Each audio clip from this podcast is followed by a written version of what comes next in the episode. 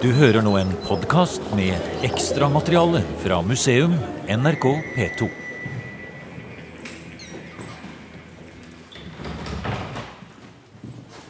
Hva slags hus er det du låser opp eh, her nå, Per Birger?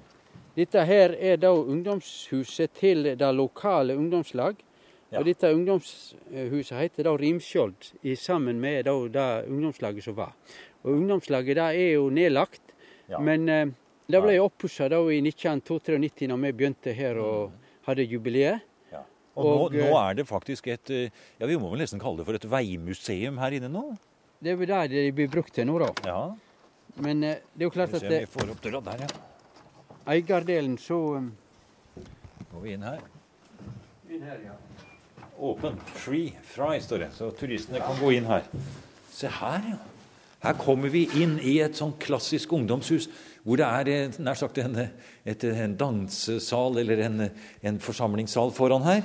Og så er det en scene bak der. Og en stor vedovn borti hjørnet. Og sånn. Og så har du da, og dere, satt opp en utstilling her. En flott utstilling. Og her har vi fra kongevei til stamvei. Vi har bilder, tegninger, fotografier.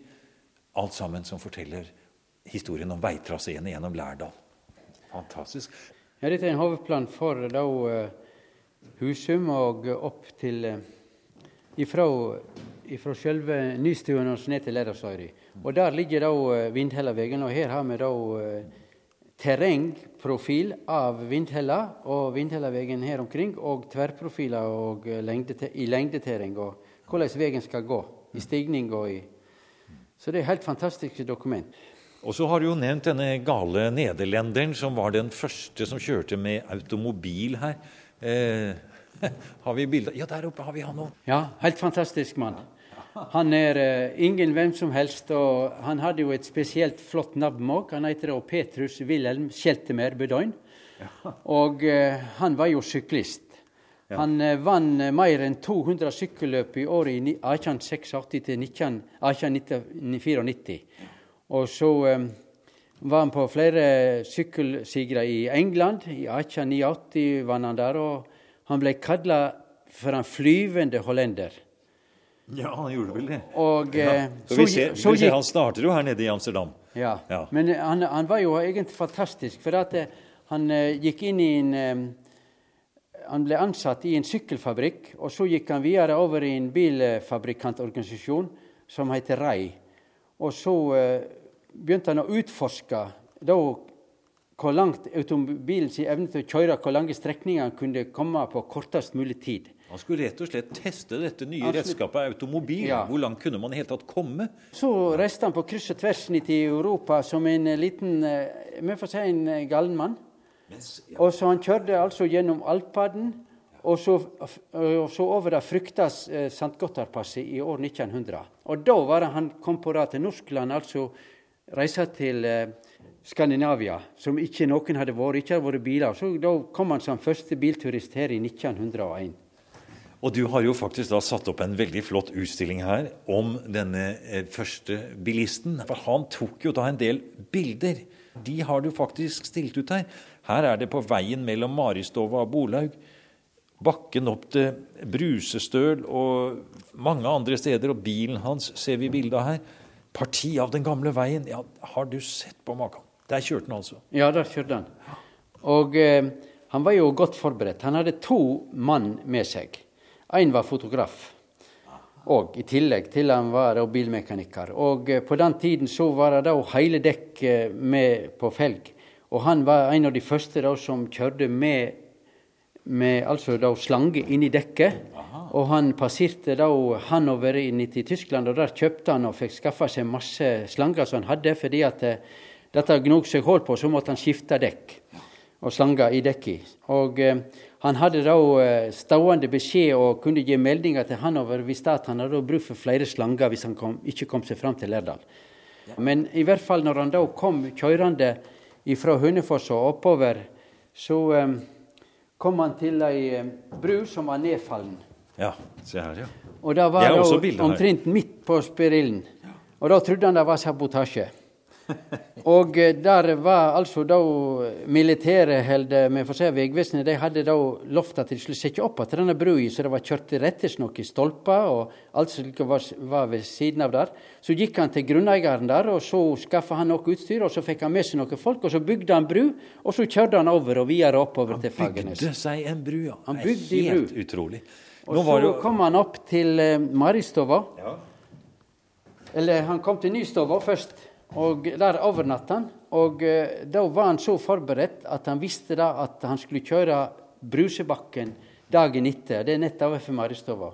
Og da hadde han ordna seg med lokale hester fra Lærdal fra Borgund som kom opp. Og de skulle, de skulle trekke bilen over opp eh, Brusebakken, for at han kom seg ikke opp. Men eh, fyren var jo såpass kjørevant at han, han gassa godt opp. Fikk god fart på bilen og kjørte det han klarte, og han greide akkurat å komme over uten hjelp av hest. Så han kom seg over. Og når han var kommet opp på toppen der, så uh, møtte han da uh, sjefen på, eller hotelldirektøren på Maristova, og han hadde sykkel. Og da spurte han, eh, spurte han nederen om, om de skulle kappkjøre ned. Det, det var jo greit, for sykkel under underbakke så gikk det fort. Og denne bilen han gikk ikke så voldsomt fort. Nei. Og her ser vi det var ikke bare å begynne å kjøre bil på disse veiene som vi nå har gått på. Fordi det var nemlig egne, står det her, vedtekter for benyttelse av motorvogner på offentlige veier innen amtet. Ja. Og det var alminnelige bestemmelser osv. Hva, hva var det man måtte holdt jeg på å si, huske på? Disse er fra 1899. Ja. Og det, var, det står her at det var 24 paragrafer, ja. Ja. Ja. Så det var altså med andre ord slik at skulle man være så gal at man skulle bruke automobil på disse veiene, så måtte man altså følge en mengde regler. Vi har jo veitrafikkloven en dag i Ja, dag. vi har det. Ja. Er det noe som ligner dette her? Det ligner, men, eh, men det høres med til historien at han søkte ambassaden om å komme til Norge. Han måtte ha innreisetillatelse også med bil. At han kunne kjøre bil i Norge. Det fikk han et løyve på. Måtte søke om det, ja. Han måtte søke, Men så måtte han ha en løyve innen hvert amt. Ja.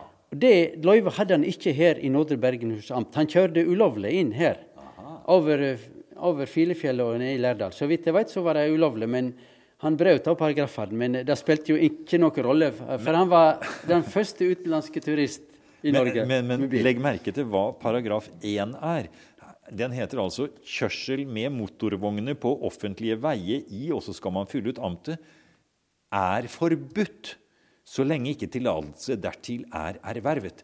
Så med andre ord, i utgangspunktet er det forbudt å kjøre bil på veiene i Norge. Man Ja. må ha egen tillatelse for det. Ja. For det var ikke vanlig å ha bil. Og denne kroppen der, han, eh, han var jo vill. Og eh, på turen til villmarksområdet, som han kaller det i Skandinavia, da, så hadde han med seg eh, en som heter Rosir, og en som heter Stokkvis. Det var de to karene som hjalp han. Og her er bilde av bilen og eh, hvordan eh, disse folka var. Og så Han reiste da ifra, eh, ifra Rotterdam den 6. august 1901, og så kom han til Lærdal den 3. september samme året. Du har nå hørt en podkast med ekstramateriale fra Museum NRK P2. Museum sendes i NRK P2 på lørdager klokken 16.03 og søndager klokken 08.03. Hvis du vil, kan du abonnere på Museumpodkast i iTunes. Jeg vil gjerne ha dine synspunkter på programmet. Send kommentarer eller tips til museum.krøllalfa.nrk.no.